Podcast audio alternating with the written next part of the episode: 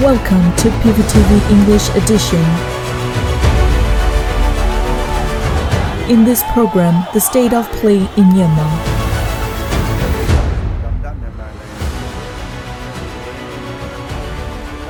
We are going to deliver current affairs review by PVTV.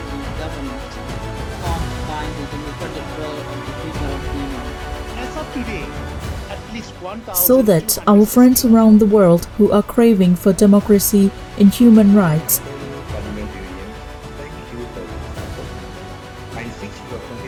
get a better understanding of the actual footage of the situations in Myanmar.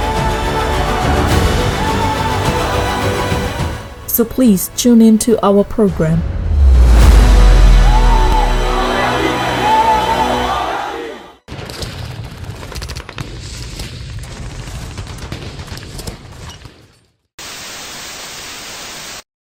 Myanmar Spring Revolution and International Assistance.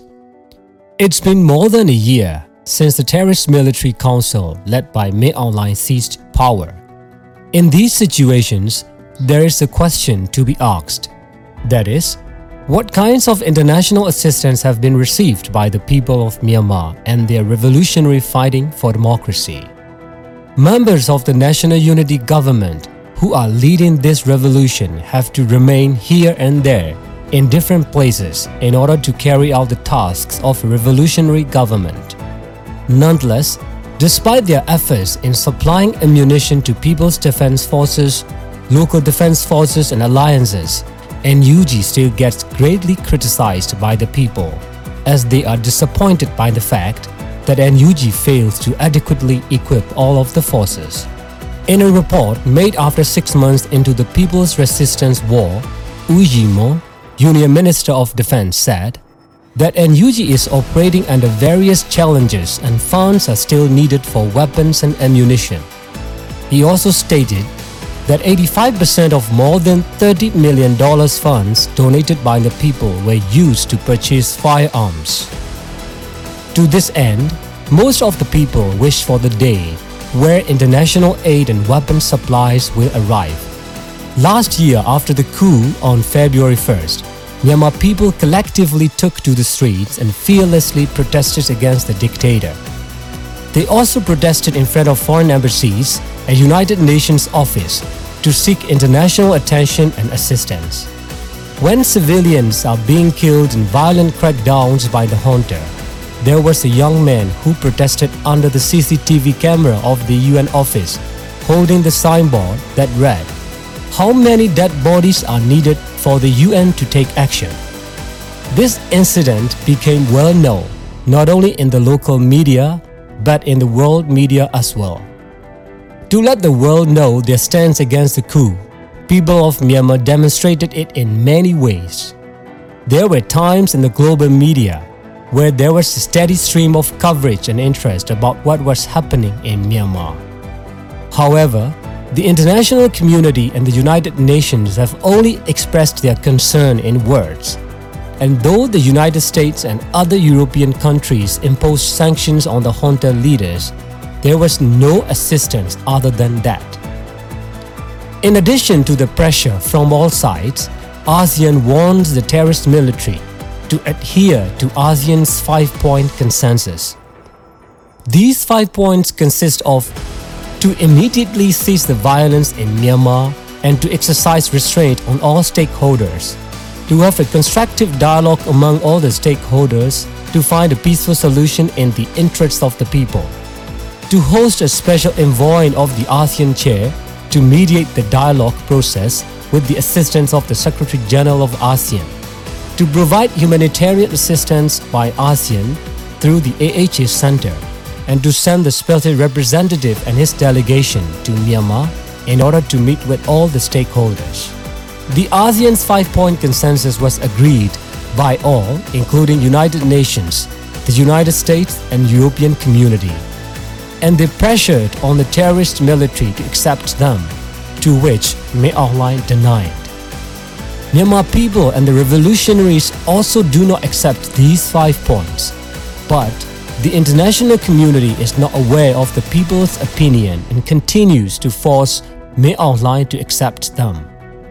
Some union ministers of the NUG have also pointed out that the five point consensus of the ASEAN is not politically acceptable. A few days ago, the ASEAN Special Envoy visited Myanmar and met with Aung Hlaing and his associates, but ended up giving up by concluding it would take time to resolve the issues in Myanmar. To inform the international community that the military coup leaders are politically illegitimate, the committee representing Pyidaungsu Hluttaw CRPH and the National Unity Government NUG were formed to connect with international community to gain aid. Consequently, the international community has denounced the military leaders as an illegal government and recognized the NUG as legitimate, except they could not provide any more effective support for the revolution than that.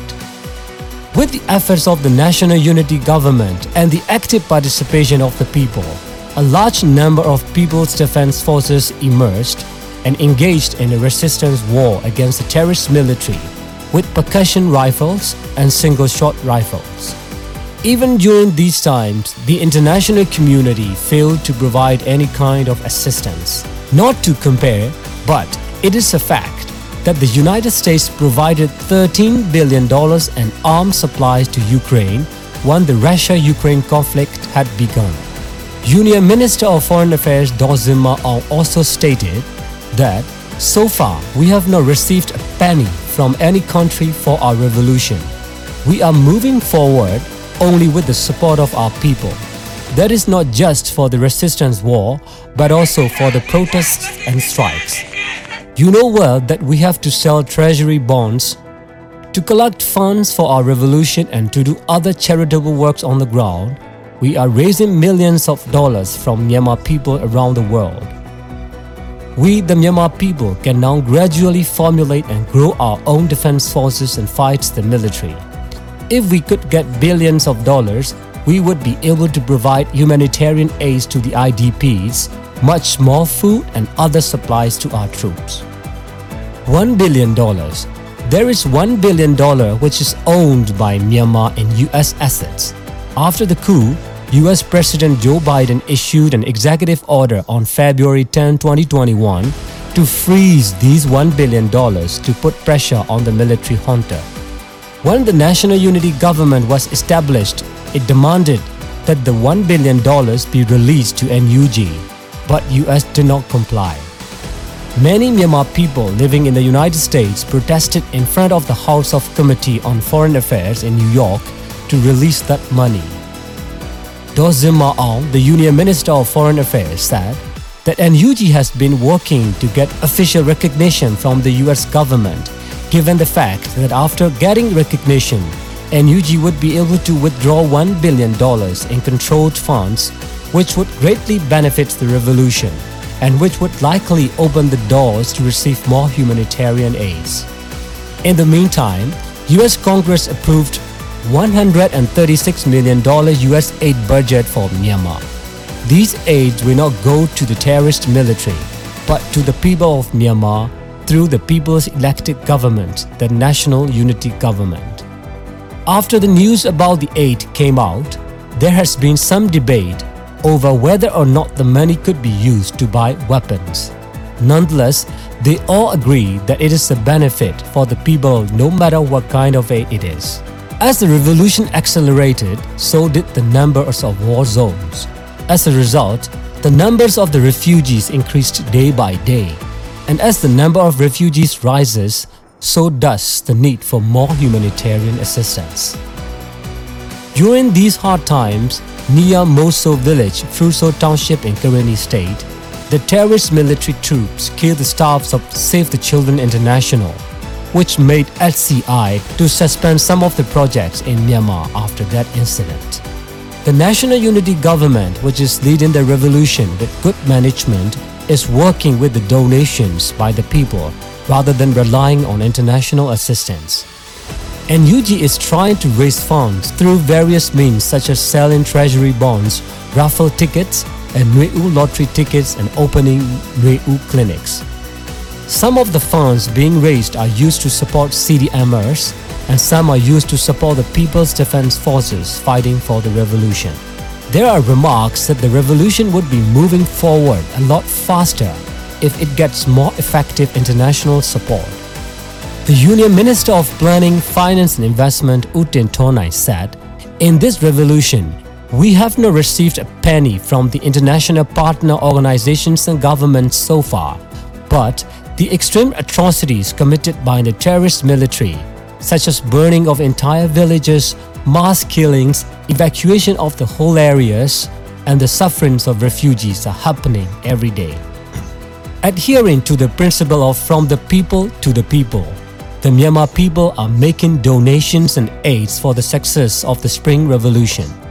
With these donations, the Spring Revolution has indeed moved forward gradually and will inevitably lead to success even without the international support.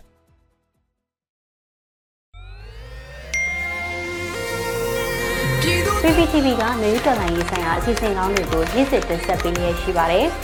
PVTV ကထုတ်လွှင့်တင်ဆက်ပေးနေတဲ့အစီအစဉ်တွေကို PVTV ရဲ့တရားဝင် YouTube Channel ဖြစ်တဲ့ youtube.com/c/PVTV မြန်မာကို Subscribe လုပ်ကြည့်ရှုပေးကြရဖြင့် တော်လိုင်းကိုတစ်သက်တအားဖုန်းမှုသိပြီးပေးနိုင်ပြီဖြစ်ကြောင်းသတင်းအောင်ပါလိုက်ပါရရှင်။စိတ်ရက်ကလစ်တွေနဲ့တော်လိုင်းရေးကိုနိုင်တဲ့ဘက်ကထိတ်ဆက်အားဖြစ်လိုက်ကြအောင်ပါ။အရေးတော်ပုံအောင်ရမည်။